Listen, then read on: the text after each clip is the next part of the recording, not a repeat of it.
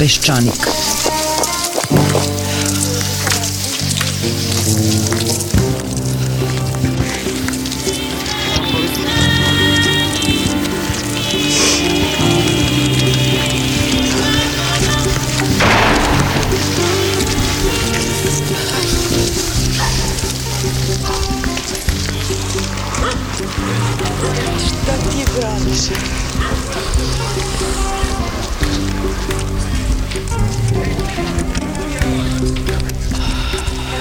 Peščanik.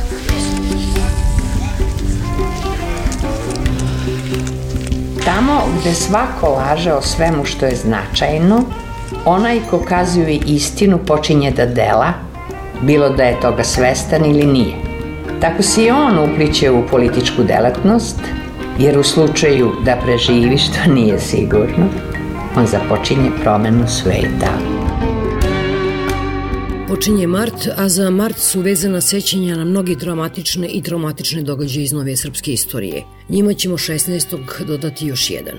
Sve oči uprte su u takozvane lidere koji o nečemu negde nešto izjavljuju ili na njihove najbliže partijske saradnike koji, kao recimo Zorana Mihajlović, u slobodno vreme ministarka energetike, a stalno angažovana na poslu telohranitelja Aleksandra Vučića, uglavnom postoje za to da prete svojim političkim protivnicima.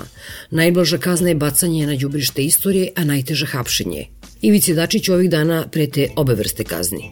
Zabavljeni liderima i članovima njihovih pretorijanskih gardi promiču nam, pogotovo nama koji živimo u Beogradu, predizborne tuče u takozvanom ostatku Srbije, pogotovo one po varošima i selima. Beograd je dosta veliki grad, pa mnogi ljudi, na primjer, ne znaju i ne mogu znati ko je taj Vučićev mali Siniša. Može im se desiti da zbog toga i glasaju za tu opciju. Ali što, na primjer, može da opravda građane Aleksandrovca koji godinama glasaju za istog predsednika? Čak šest puta biraju čoveka koji je za desete godina promenio osam stranaka. Počeo je naravno kao Tito pionir, a onda ga je put vodio do Jula, pa onda do Radikala, pa do Demokratske stranke Srbije, pa Ujedinjenih regiona, i ko zna gde je sad završio. I sad su građani i građanke Aleksandrovca zgranuti kad su shvatili da je parama iz opštinskog budžeta taj čovek plaćao pozorišne predstave u kojima je igrala njegova čerka. Međutim, nije pitanje šta je u glavi večetog predsjednika opštine i njegove mezimice. Problem je šta je u glavama ljudi, odnosno glasača i birača. Sigurno je da nisu poludeli fanovi pozorišnih predstava i to baš tatine mezimice i da ne glasaju za njega zato što žele da budu poniženi i opljačkani. Onda se postavlja pitanje zašto. Nije više pitanje ni šta je u glavi Aleksandra Vučića. Uostalom, kogod kaže da zna šta tamo obitava, laže ali to nije ni tema. Tema je koje su konkretne konsekvence njegovih konkretnih postupaka. Međutim, tema su i svi ti ljudi koje mesecima gledamo kako pokušavaju da sednu na njegov kanabe i ponude svoje usluge. Za najveći broj ljudi iz te čekonice se bez mnogo zadrške može reći da su obični vulgarni poltroni, karijeristi i da pokušavaju nešto da dobiju za te trpeze ili makar da nešto ne izgube, recimo status slobodnog građanina. Malo me je uznemirila vest da su na kanabitu ovih dana sedili ljudi koji navodno treba da sačinjavaju takozvanu Državnu komisiju za istraživanje političke pozadine atentata na premijera Đinjića. Ako je to tačno, a jeste sudići po izjavama nekih budućih članova, pitanje je ne šta je u glavi Aleksandra Vučića i njegovih šefova bije i policije koji su morali da dođu na njegov poziv, nego šta je u glavi Marka Kljajevića, Rajka Danilovića, Ante Boškovića, Olgice Batić, i Vladimira Popovića, ako je tačno da je on mozak cele operacije. U dobre namere, kako se to obično kaže, većine tih ljudi, sudeći po njihovim dosadašnjim angažovanju i odnosu prema atentatu, možda ne treba sumnjati, ali kao što svi odrasli ljudi znaju, to nije garancija. Ničega. Sve što je do sada urađeno od strane te paradržavne komisije u nastajanju je pogrešno, počev od tajminga i čovjeka kome su bili u poseti. Prvo, Aleksandar Vučić nije ništa više osim član vlade u ostavci. On je samo partijski lider koji za nekoliko dana ide na izbore. Za njega su spašavanje deteta i snežnih nanosa i prijem eventualnih članova eventualne državne komisije isto. Ne može Vučić baš da ide u šetnju za Zorana 12. marta, četiri dana oči izbora, ali umjesto toga može da osnuje još jednu komisiju. Kako je krenuo sa formiranjem komisija, opasno se približava broju odlikovanja koje je njegov drugi politički otac Nikolić podelio proteklih godina. Dalje, kako komisija može da veruje čoveku kome su i prvi politički otac koga se odrekao, ali samo preko novina Šešelj, i drugi Nikolić, koga se nije odrekao, izgovarali sve te stvari neposredno pred sam atentat. Kako mogu da veruju čoveku koji je pre nekoliko mjeseci spašavanje Beograda od propasti prepustio čoveku protiv koga je advokat Srđa Popović pre samo tri godine u ime majke sestre Zorana Đinđića podnao krivičnu prijevu za podstrkivanje na ubistvo predstavnika najviših državnih organa. Poseban problem, u stvari glavni problem, je to što su se sudije, advokati i političari koji su, ako izuzmemo Srđu Popovića, najzaslužniji što nisu dozvolili da se priča o atentatu završi na Ulimeku i Zvezdanu Jovanoviću, ulazeći na ovaj način i sada učići kabinet, pristali da učestvuju u opasnoj igri dezavuisanje svih državnih institucija i pristali da ugrađuju sebe u postament na kome se zida Vučićev spomenik za života. U današnjem pišaniku o ovoj komisiji, ali ne samo o njoj, govorit će novinar Miloš Vasić i istoričarka Branka Prpa. Najpre slušati Mišu Vasića. Počeli smo od najnovijeg predizbornog raspleta afere Miša Banana, odnosno ispitivanje nekadašnjeg Dačićevog šefa kabineta Branka Lazarevića i još nekolicine ljudi, policajaca i advokata koji se sumniče da su pomagali klanu Darka Šarića. Miloš Vasić. Ova priča sa Brankom Lazarevićem i ostalima nije nikakva novost, za to se zna i najveći deo detalja je posnat već godinu dana od negde januara, februara 2013. Tužiloštvo i policija su na tome iz nekog razloga sedeli, e, upravo to sad. Nisu sad ništa mnogo pametniji, osim što se pojavio taj neki načelnik e, službe za specijalne istrage unutar UKP, taj neki Boris Gare, koga je Lazarević izgleda sad kada su ga konačno pozvali da da iskaz na policiji i u tužilaštvu, imenovao ko čovjeka od koga je saznavao detalje o policijskim akcijama prema Darku Šariću i saradnicima.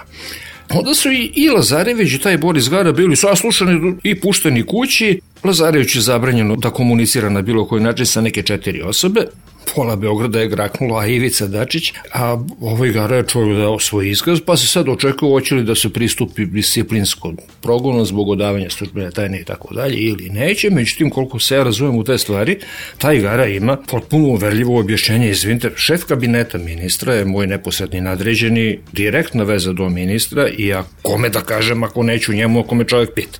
Činjenica je međutim da se desilo nešto što se nije desilo jako dugo, a to je da je operativna bezbednost jedne takve akcije koja je krajnje delikatna i politički čak užasno važna, bila probušena na najvišem nivou.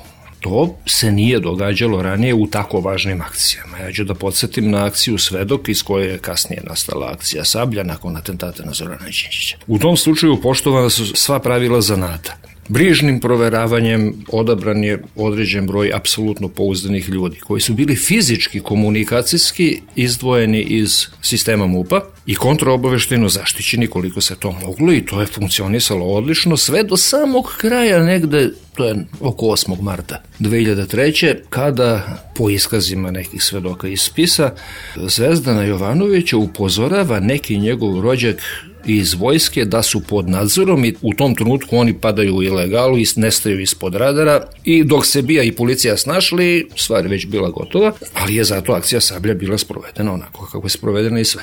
Ovi su znali tada u to vreme vrlo dobro zašto su izdvojili i zašto su radili po onome što se zove need to know basis, znaku samo ko treba da zna i šta treba da zna. Zašto? Zato što je do januara 2003. bija bila praktično u rukama Bracanovića, odnosno svih mogućih legijenih saučesnika.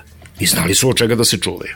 Ja ne znam šta su ovi mislili i kako, ali kad se radi sa jednim Darkom Šarićem, koja je pre svega, to apsolutno nema spora, čovjek nada sve inteligentan i odlično organizovan i sposoban, što je manje važno, puno je važnije da ima neopevano mnogo para jedan Darko Šarić sa svojim kokainskim profitima kroz sve ove godine, to su milioni i milioni dolara. On sebi može da kupi najmanje deset potpuno uverljivih lažnih identiteta o plastičnim operacijama da ne govori. Znači, on je tu bespeden. Njegova je ambicija bila da svoje novce opere, propere, zapere i da ih investira kao i svaki inteligentan gangster. San svakog inteligentnog gangstera da postane normalni poreski obveznik putem propranih para, mislim to je stvar koja je opšte poznata još od vremena Al Caponea.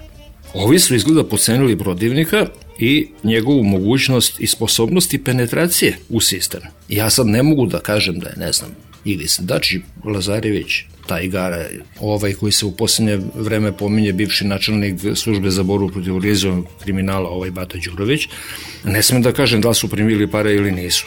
Ne znamo, vidjet ćemo. Ali je činjenica da je nedostajala svest o stvarnoj veličini i stvarnoj moći glavnog protivnika Darka Šarića, dakle, koji je i na političkom planu već bio izvikan za državno neprijatelja broj jedan, glavnog čoveka i tako dalje. E sad ono što, od čega sam se ja što kažu bosanci i bretio začudio, to je kako da ovi za godinu dana sede i ćute. To mora biti da ima neka politika u svemu neko moje uverenje da ćemo sačekati 17. mart pa da vidimo o čemu se tu radi. To se naravno kao i obično svodi na isto tako polagano glodanje Ivice Dačića. Otprilike ideja je mi ti uvrćemo rep polako, a ti pazi kako se ponašaš. Tada kada se za celu stvar doznalo, to je znači pre godinu dana, vlada je bila stabilna, nije se još razmišljalo o vanrednim izborima. Nije se razmišljalo ni letos kada je doveden Slobodan Radulović za ministra. Onog trenutka kad su zaključili da idu varadne izbore, Slobodno Radulović je caknut, a Ivici Dačići su počeli da Dačiću zavrati. A sada još uvek, predpostavljena Srpska napredna stranka i budući prvi predsjednik vlade, jel, razmatraju da šta će sa Dačićem. Neće ništa dok ne vide koliko će Dačić stvarno da fasuje 16. marta na izborima, pa će u odnosu na taj procenat da donose svoje odluke. Ali su ga opkolili dosta dobro, a s druge strane, ne razumem kako je mogao Ivica Dačić da sebi nađe šefa kabineta poput Lazarevića, pa da ga još pritom, kako Lazarević tvrdi, i upozna sa Mišom Bananom, da mu se nađe pri ruci, a Boga mu se i našao pri ruci. E, ja, ministar unutrašnjih poslova, pogotovo sa relativno dugim stažom, poput Dačića, morao bi malo bolje da bira saradnike i da vodi računa da ima tu okolo koalicijonih partnera koji drže kriv noži za leđa. Sada se praktično stavio na milost i nemilost i jedino što može to ja moli Boga da u izborima dobije, ne znam, jedan određeni procenat glasača i parlamentarnih mandata, koji bi mu omogućili da ima, kako se to zove kod nas, koalicioni potencijal. A Ivica Dačić se izmotava sve vreme. Dobro, svi oni imaju nekakva opravdanja. Dačić ima opravdanje da nije znao, niti je morao, niti je čak mogao da zna ko je Miša Banan. Dok ova dvojica, Jerković i Štrbac nisu propadali Mislim kaže, ja, ono, ko bi znao. I to je dosta jak argument, e, jači nego što izgleda. Jer s obzirom na iskazanu veštinu Darka Šarića i njegovih ljudi u pranju para, mnogi su se ljudi sad našli u jezivo neprijatnoj situaciji da su otkrili da su u njihove poslovne akcije i operacije odjednom investirani neki kokainski novci. Znači, Dačić je može sa određenom uveljivošću da tvrdi da on nije imao pojma koje je Miša Banana. S druge strane, Lazarević, koga je Dačić upoznao sa tim za njega nespornim Mišom Bananom, možda kaže ovako, pa moj ministar mi ga je doveo. To je od početka izgleda pogrešno postavljeno, neoprezno. Nisam pristali sa neke teorije zavere, mislim to uređeno nekako pratimo i više izbrljivosti. To sve naravno ne znači da će se i ova afera raspetljati i rasvetliti do kraja. To je pitanje onoga što se zove politička volja, a prevodi se na narodni jezik kao možda bitno, ali ne mora da znači. Imao je Ivica Dačić Kliznuća i ranije, setimo se onog kofera. Hoću pa kažem, ponekad u politici čovjek mora iz da se nađe u krevetu sa, u, u čudnom društvu, da parafraziramo inženjera Marfija pa stranka nema para, pa ne možeš da se odrekneš već kompromitovanih svojih stranačkih prijatelja, ako ih se odrekneš, ko zna šta će da ispričaju o tebi, što će bude gore od ne znam čega i već. Tu ljudi plivaju kako znaju. Može se na kraju to objasniti jednostavno da ili Dačić nije imao sreće. Ali sa te čisto profesionalno kriminalističke strane stvar je nejasna jer tu je bilo koje kakvih štucanja i saplitanja u policiji. Bilo je potmulih sukoba koji su povremeno izlazili na čistinu. Tu se da se neke stvari događaju unutar policije. Da li su stranke krenule u frakcijsku borbu da nahvatamo sebi naših policajaca protiv njihovih policajaca, da sapletemo ovoga, da sapletemo onoga, stvarno situacija ozbiljna, čim su se učudili, a inače se olajavaju kopiljarice. Nešto tu nije u redu mislim da je to marketinški potez jedna i druga komisija, zato što mislim ne kako će neke komisije, što god Veran Matić pričao, da postignu ono što nisu postigli državni organi. Ali, ako se Veran i Aca Vučić dogovore za joint venture, ono, marketinšku operaciju, onda će to da ide. I ide. Pritom i dalje nismo ni malo pametniji. Ono što mi recimo nije jasno šta ima da u to uključuju slučaj 16 poginulih radnika RTS-a iz 99 taj slučaj je apsolutno jasan i razrižnjen. Ja ne vidim šta oni sad tu mogu tu da svrše. I dalje se insistira na slučaju Dade Vujasinović kao u ubistvu, mada za to ne postoje kriminalistički ni drugi dokazi. Zašto? Iz jednostavnog razloga što je prvobitna istraga bila kriminalno traljava u kriminalističkom, balističkom i sudskom medicinskom smislu upropašćena. Tako da mi više ne možda znamo ništa o tome. Sad se oko Ćuruvije tu pojavljuje kao legija koji će nešto da propeva. Ja legiji ne vjerujem ništa. Iz principa čovjek je sudski uglavljena lažovčina. Radomir Marković zašto bi pričao kao i legija? Mislim, popio čovjek 40 godina, ne vidim kakvu korist bi iz toga imao. Lepo su ga ljudi molili dve i prve, ajde Radomire ispričaj, Radomir nije hteo da priča, dobro, njegov problem, izvoli, to ti je. Sad se ono potežu priče iz 2001. godine da pa naravno da je stan i telefoni Ćuruvije i Branke Prbe su bili prisluškivani i nakon atentata, nakon ubista u Haustoru, pa tad je i najzanimljivije. I naravno su bili, i to je poznato od negde februara, kad je Olivera Antonić dala iskaz, u februaru da i pre.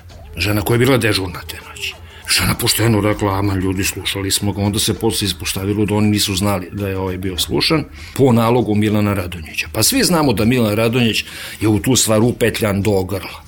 Ja jednostavno ne vidim neku budućnost u toj celoj priči iz dve grupe razloga. Jedni su higijenske, a drugi su ornitološke prirode.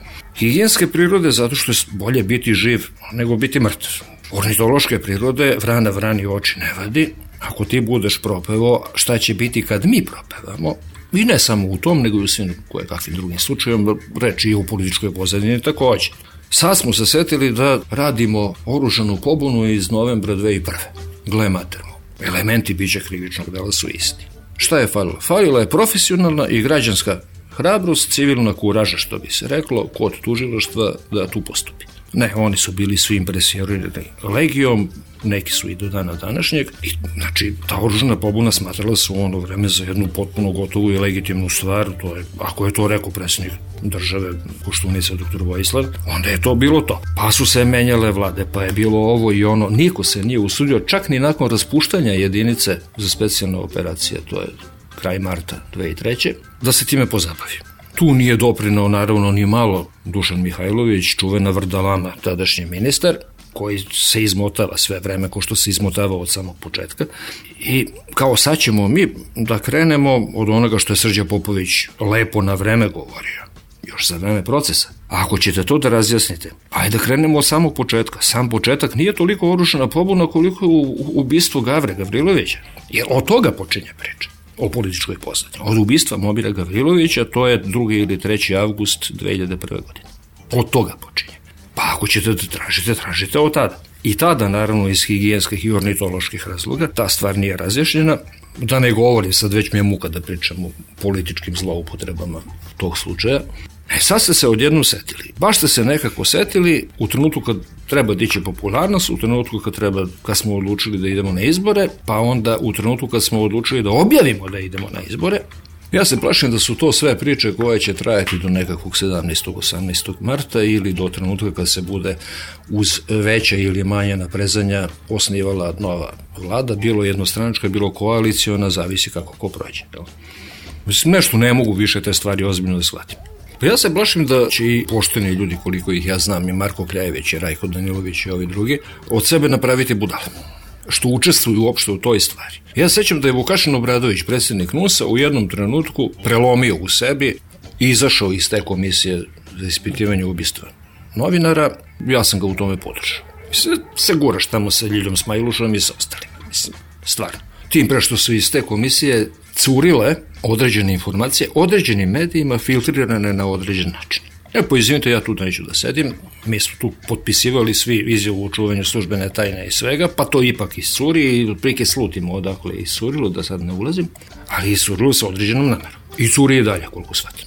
Ono, normalan, pristojan čovjek, lepo vaspitan se od tih stvari uklanja, ne znam šta ovi ljudi misle da kakve nade imaju da će eventualno postići u toj sad nekoj opet novoj Vučićevoj komisiji za ispitivanje političke odgovornosti, ne vidim ono. Znam taj predmet na pamet, nema tu ni indicija, ni jedne jedine kriminalističke indicije koja bi vodila ka nekoj zaveri višeg nivoa. A što su oni pominjali ovaj da ima, sad ima odjednom Hagu nešto i pa to? Pa ne, ne vidim uopšte šta to ima u Hagu, to je bubnuo Jelko Kacin, po svom običaju, on voli da bubne. Šta više, on nije pominjao Hag, Hag je kasnija spekulacija. Molim, Vučko Mirčić, istražni sudija, je bio u Hagu svoje vremeno i razgovarao s Vojan Šešeljem, toga ima, boga mi, jedno megabajt materijala, imam ga negde. Voja Šešelj je zatrpo svojim uobičajenim budalaštinama. Tako da su otišli kući praznih luku potpuno iz tog razgovora. To bi jedino što bi eventualno moglo da se pojavi u Hagu. Ne vidim ko bi od relevantnih ljudi s kojima je tužilaštvo ili tribunal su imali posla mogao da ima saznanja o tome. Što se tiče onoga teorije o tome da su strane službe eventualno nešto uvatile i snimile, pa u to vreme su strane službe prijateljskih velikih sila radile zajedno sa BIOM i sa UKP i sa policijom u Srbiji, ruku pod ruku, pružavši svu moguću tehničku, ekspertsku pomoć i usluge satelita ovog sistema Ešalon i ostalih stvari. Šta više, nekog puta su sateliti menjali putanje, to znam iznutra na direktan zahtev naših organa da bi se ulovilo nešto ovo i ono što se je ulovilo. Znači, oni su u tom trenutku sve podatke koji su bili od bilo kakvog značaja delili između sebe. Ne vidim šta bi oni to imali, a da su iz nekog razloga sakrili od ovih naših. Osim ako nešto kasnije nisu dobavili, ali Jelko Kacin ni u jednom trenutku nije se udostojio da makar malo precizira ili ukaže u nekom pravcu. Znači sad moramo da čekamo Jelka Kacina, hoće li nešto još reći ili neće. Ali do sada je puka spekulacija. Ja mislim da su to one gumene koske koje se bacaju psićima da glođu, da bi se nečim zabavili, dok se s druge strane rade neke druge stvari, dakle ukratko diverzije, odnosno skretanja pažnje čovjek pošteno dobije izbore, on je pošteno dobio izbore i ima pun legitimitet. Šta će on s njim da radi? To je bak drugo pitanje. Mi svi naravno, što bi rekao Dobricić, osjećamo slutnje i nade, jel?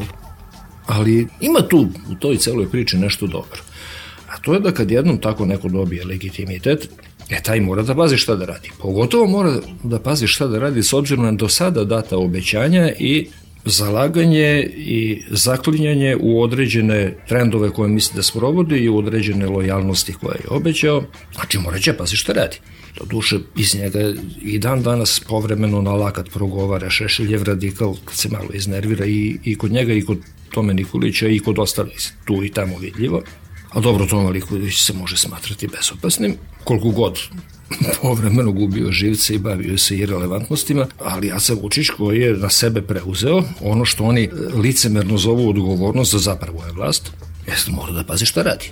Ok, evo, dobio si glasove, priznajemo, niko ti ne osporava, obećao si to, to, to i to. Ajde sad, sad neću da ga vučem, ono, za, ne znam, Beograd na vodi 3 milijarde arapskih para, pa ne, neću da mu pominjem Mubadale Aldahre i Mercedese i tralala. Ok, opraštamo ti, bila je izborna kampanja, mora si da zineš.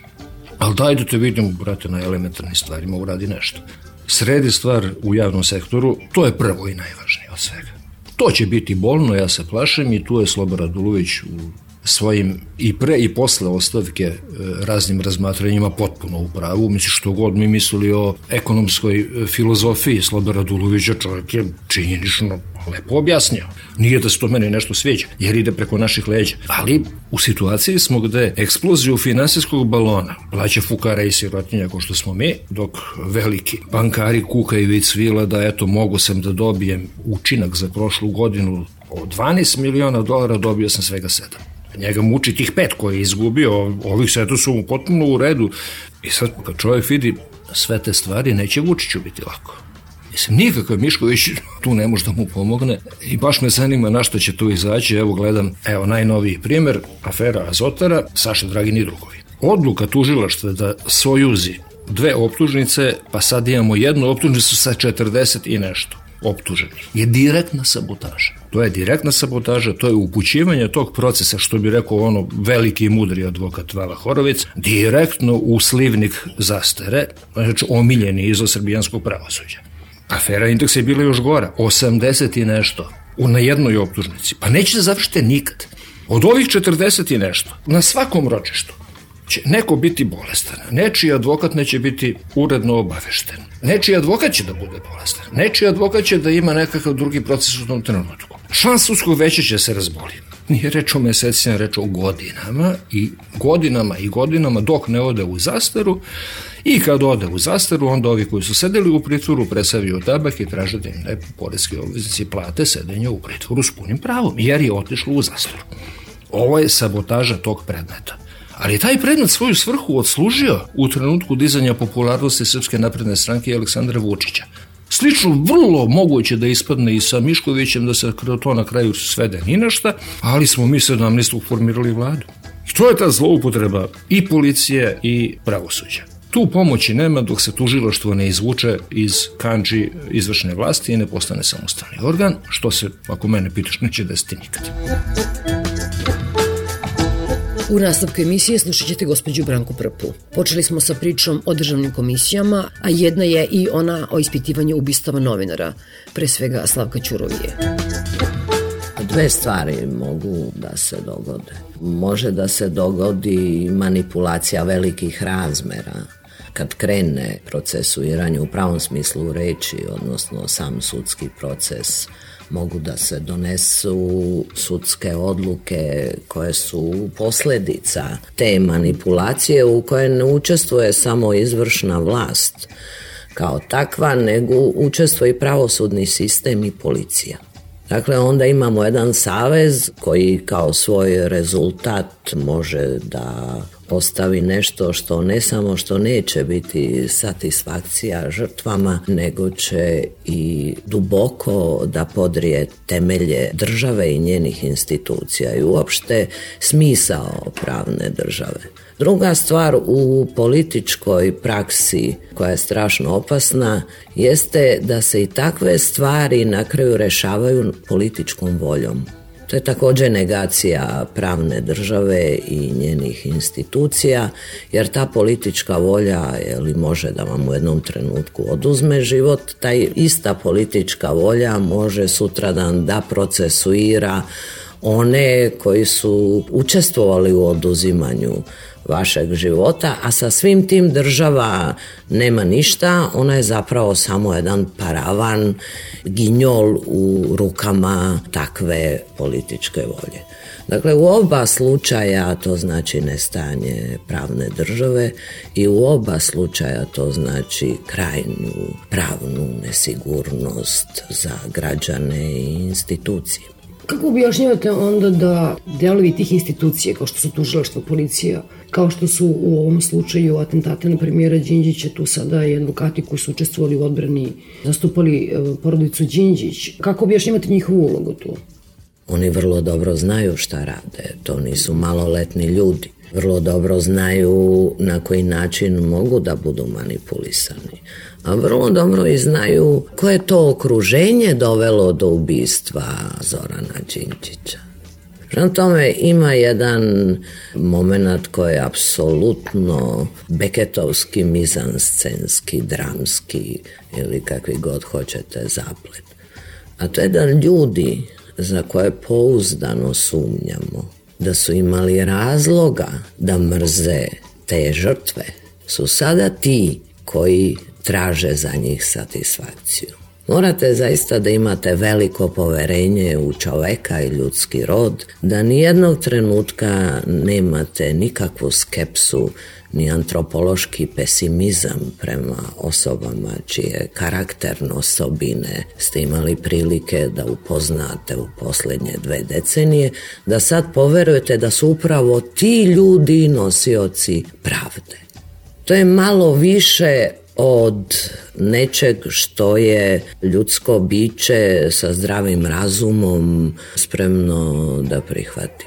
On zapravo govori o tome da te osobe ne posjeduju tabue, da oni prosto nemaju nijedan problem lični da se time bave.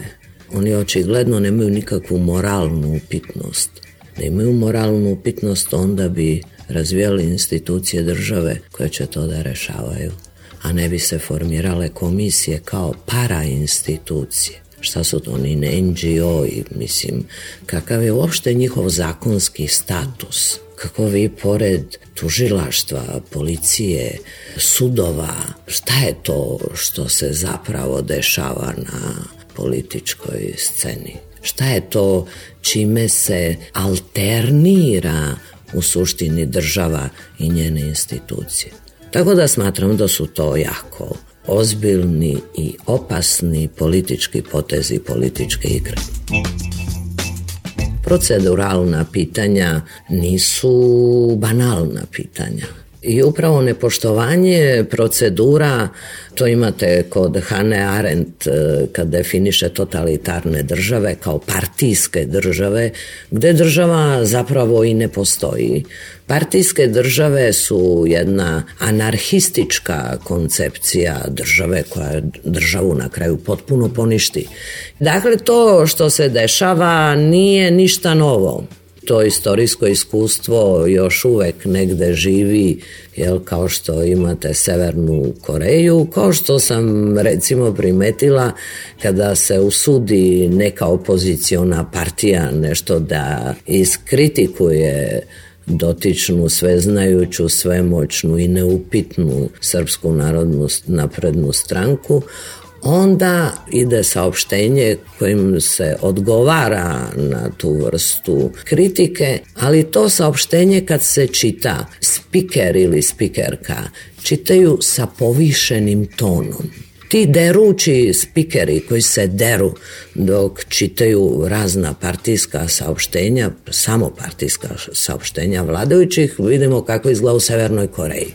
E, ali moramo, moram da vam kažem da taj sindrom imamo i ovde. Taj povišeni ton kojim spiker na radioteleviziji Srbije čita saopštenja, a pritom je ta televizija javni servis svih građana prema tome i svih političkih opcija, onda moramo da znamo da se nalazimo nalazimo na jako opasnom terenu. Nije Nivica Dačić Dačić Bacić što bi se reklo. Taj čovjek je izjavio nešto koristeći ezopovski jezik da je naše vreme prošlo.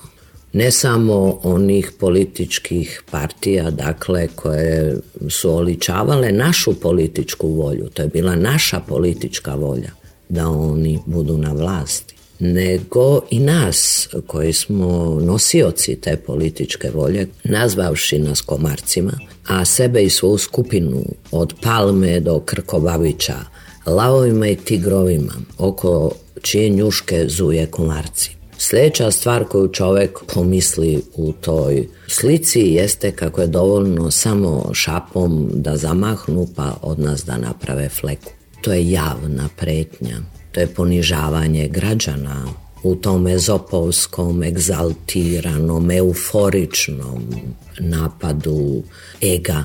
Tako se ne razgovara ni sa svojim političkim protivnicima. Takve poruke se ne šalju ni građanima ove zemlje koji su svom političkom voljom te e, ljude ustoličili na vlasti.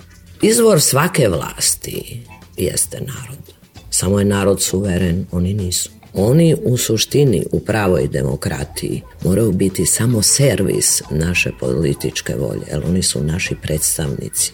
Oni sami po sebi ne mogu da inkarniraju neku drugu volju od one koje su nam obećali na izborima pa onda promenili čurak eto ne mogu da rade i to mogu da vide po onima koji su im prethodili šta se dešava kad izdaš političku volju onih koji su te na vlast doveli.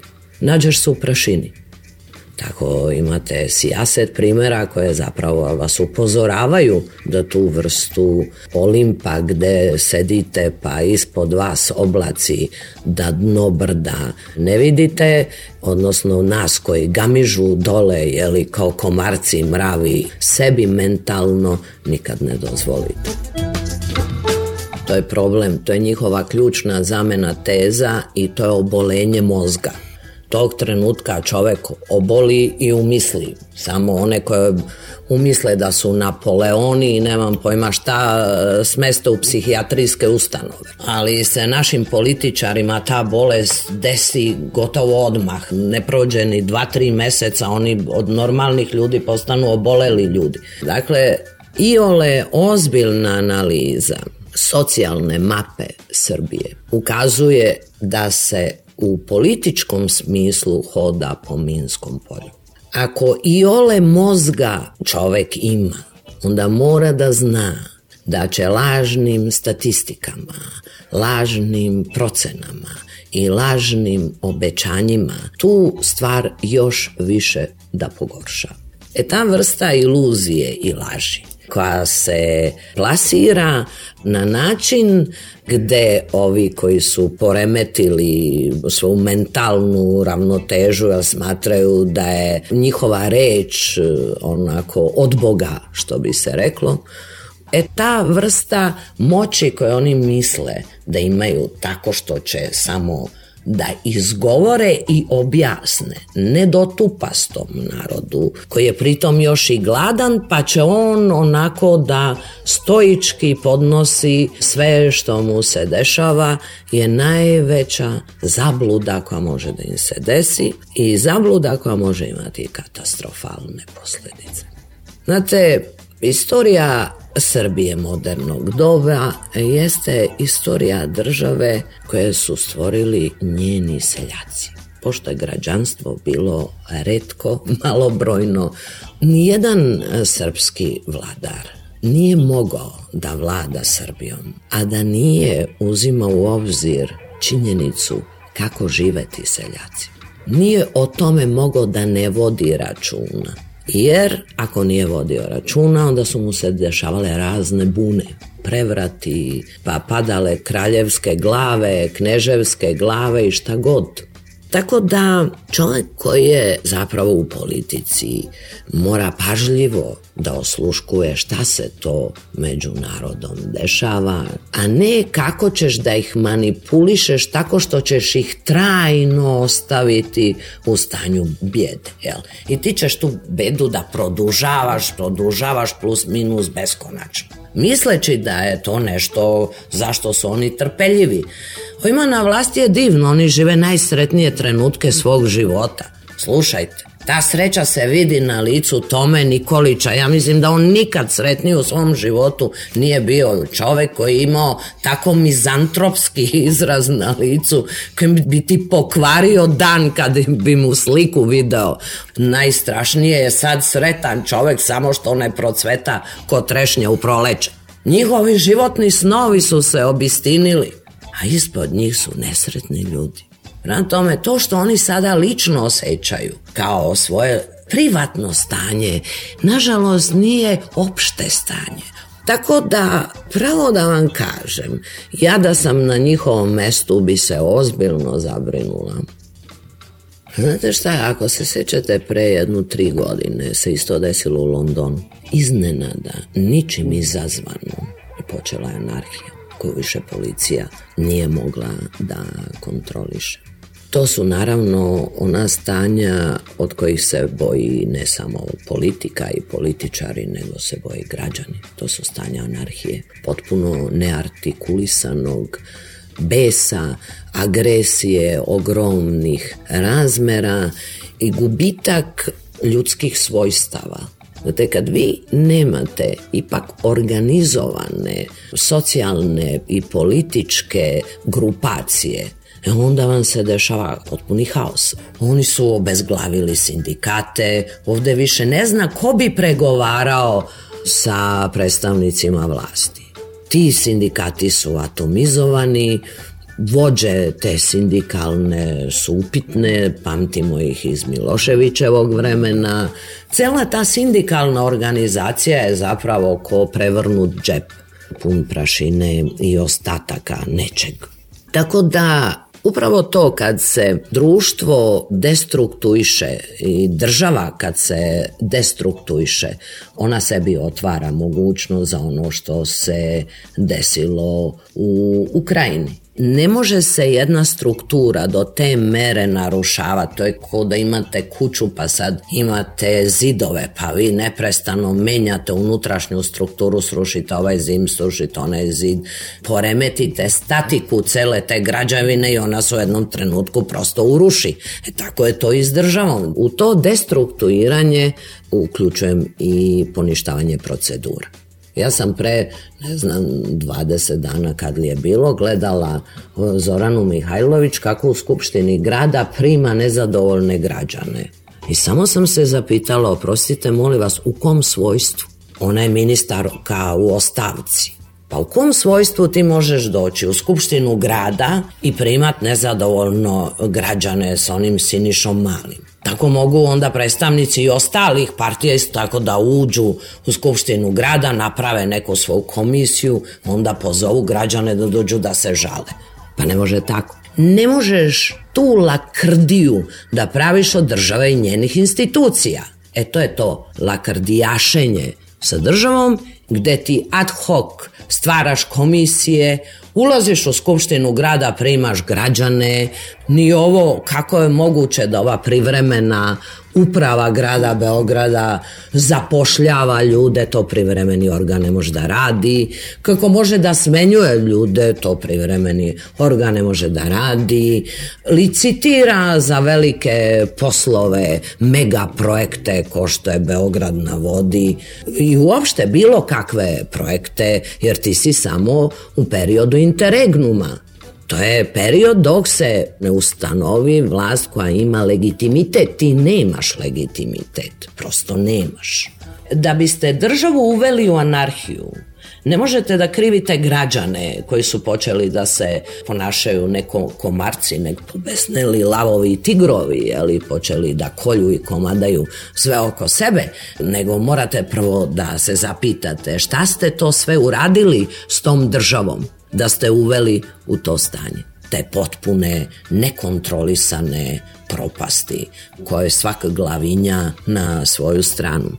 A jel ti misliš da je tebi dozvoljeno ono što nije dozvoljeno drugima? To je možda bilo moguće u feudalizmu, ali da je bilo moguće trajno ne bi završili po giljotinama i ne bi krv tekla potocima. Ono što je bila njihova politička praksa jeste beskrupulozna vladavina, molim vas, u kojoj su padale glave ljudi. Dakle, to je ono što je karakterisalo njihovu vladavinu. 5. oktobar se desio. To je najveća pobuna u Srbiji u 20. veku. A zašto je do te pobune uopšte došlo, izvinite, molim vas? Nije došlo zato što je Zoran Đinđić rekao je sad ćemo da ustanemo, ne. On je bio jedan koji je artikulisao te ciljeve, ali on je u suštini artikulisao narodnu volju. Na tome 5. oktobar je izraz narodne volje. A ti misliš da je ta brutalnost s kojom si vladao od 87. E, pa nadalje, ti zločini u koje si ušao, to ništenje svakog morala, i svake vrste pravila.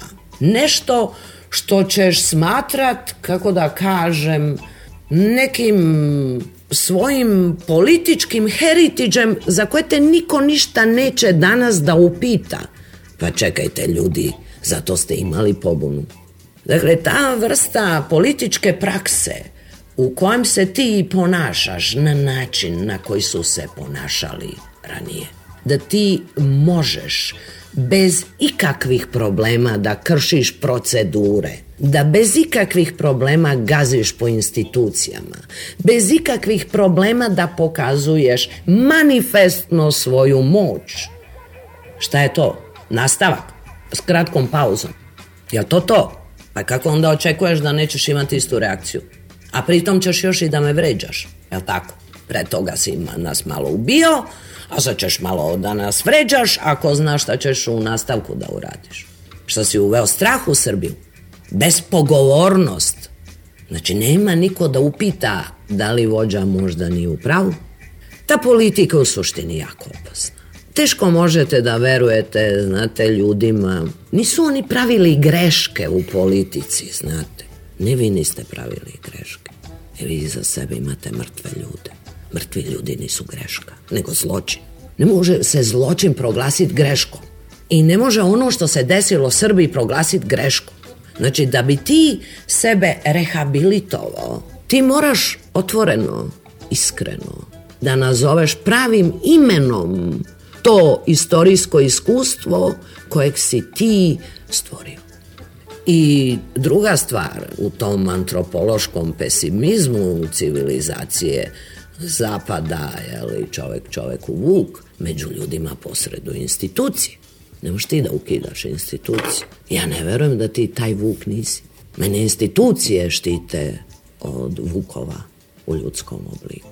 S druge strane, ako ste tako jako dobar tim i ako ste takve uspehe postigli u godinu i po dana, a što vi idete na izbore, čemu je problem?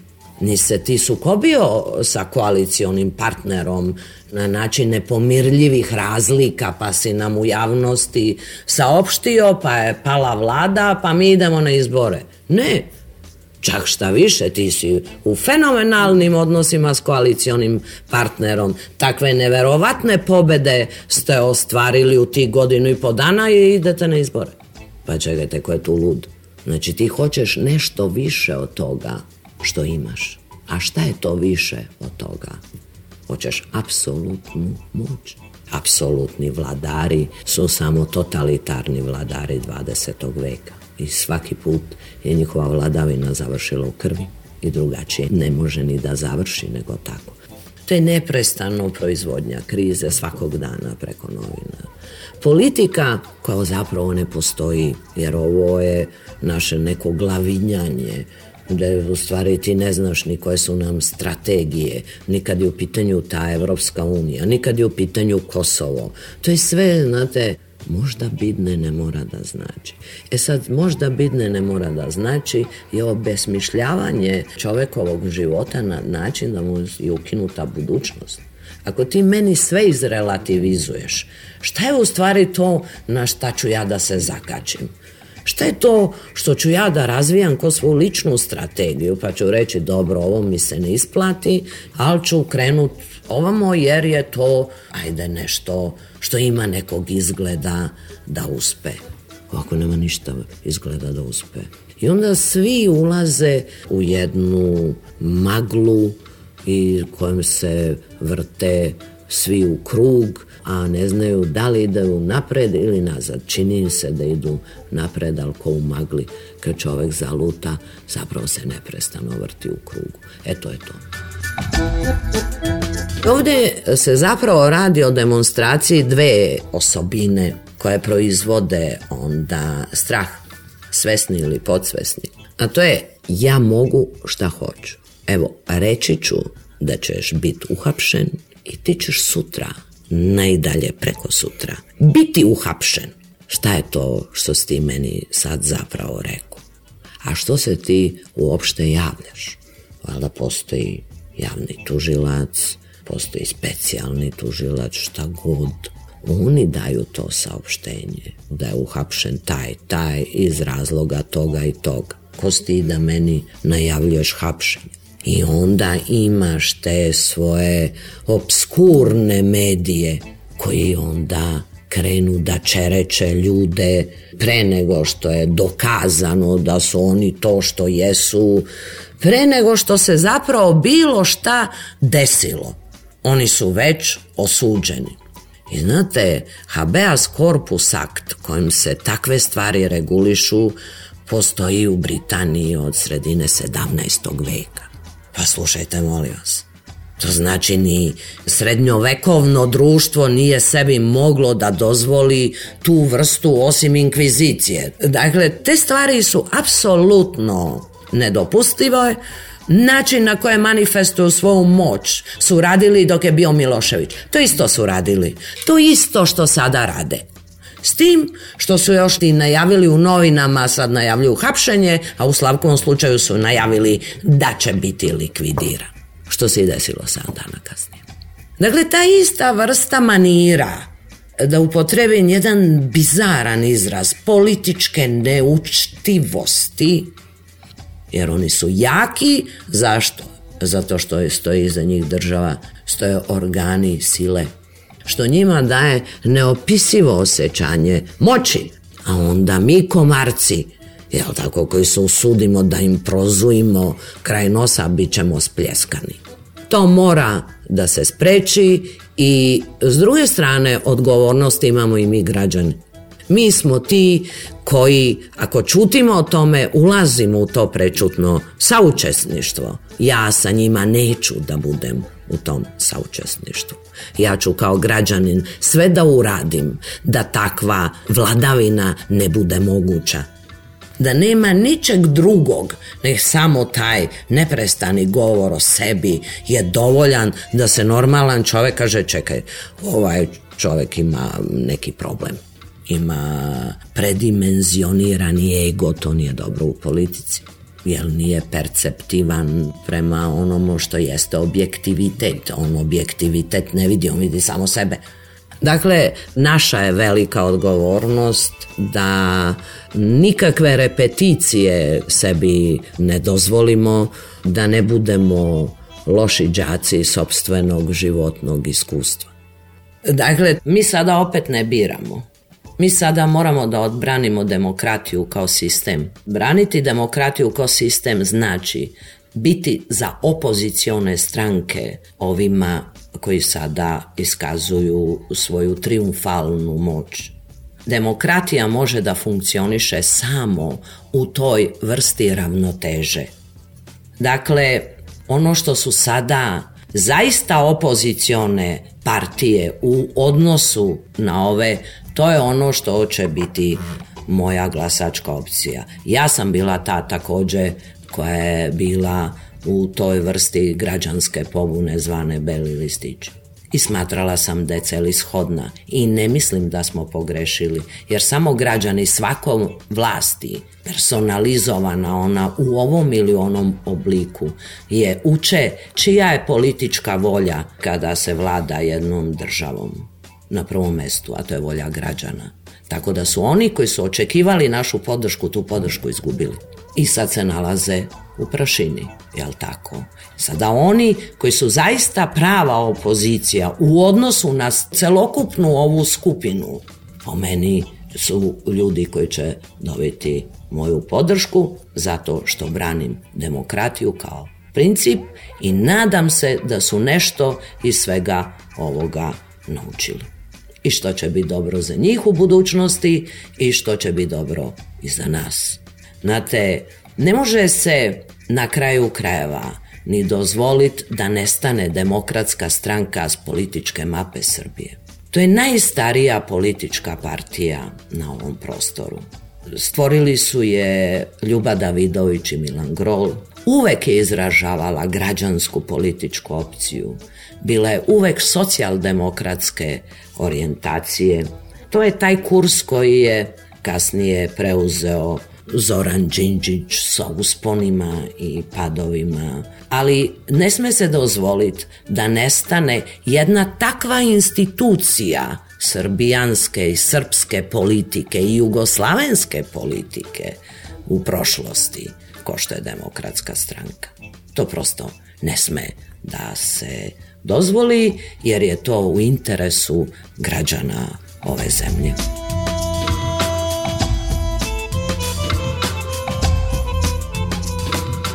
Bio je Peščanika, govorili su Miloš Vasić i Branka Prpa.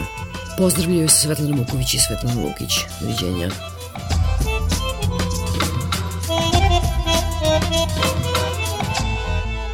Peščanik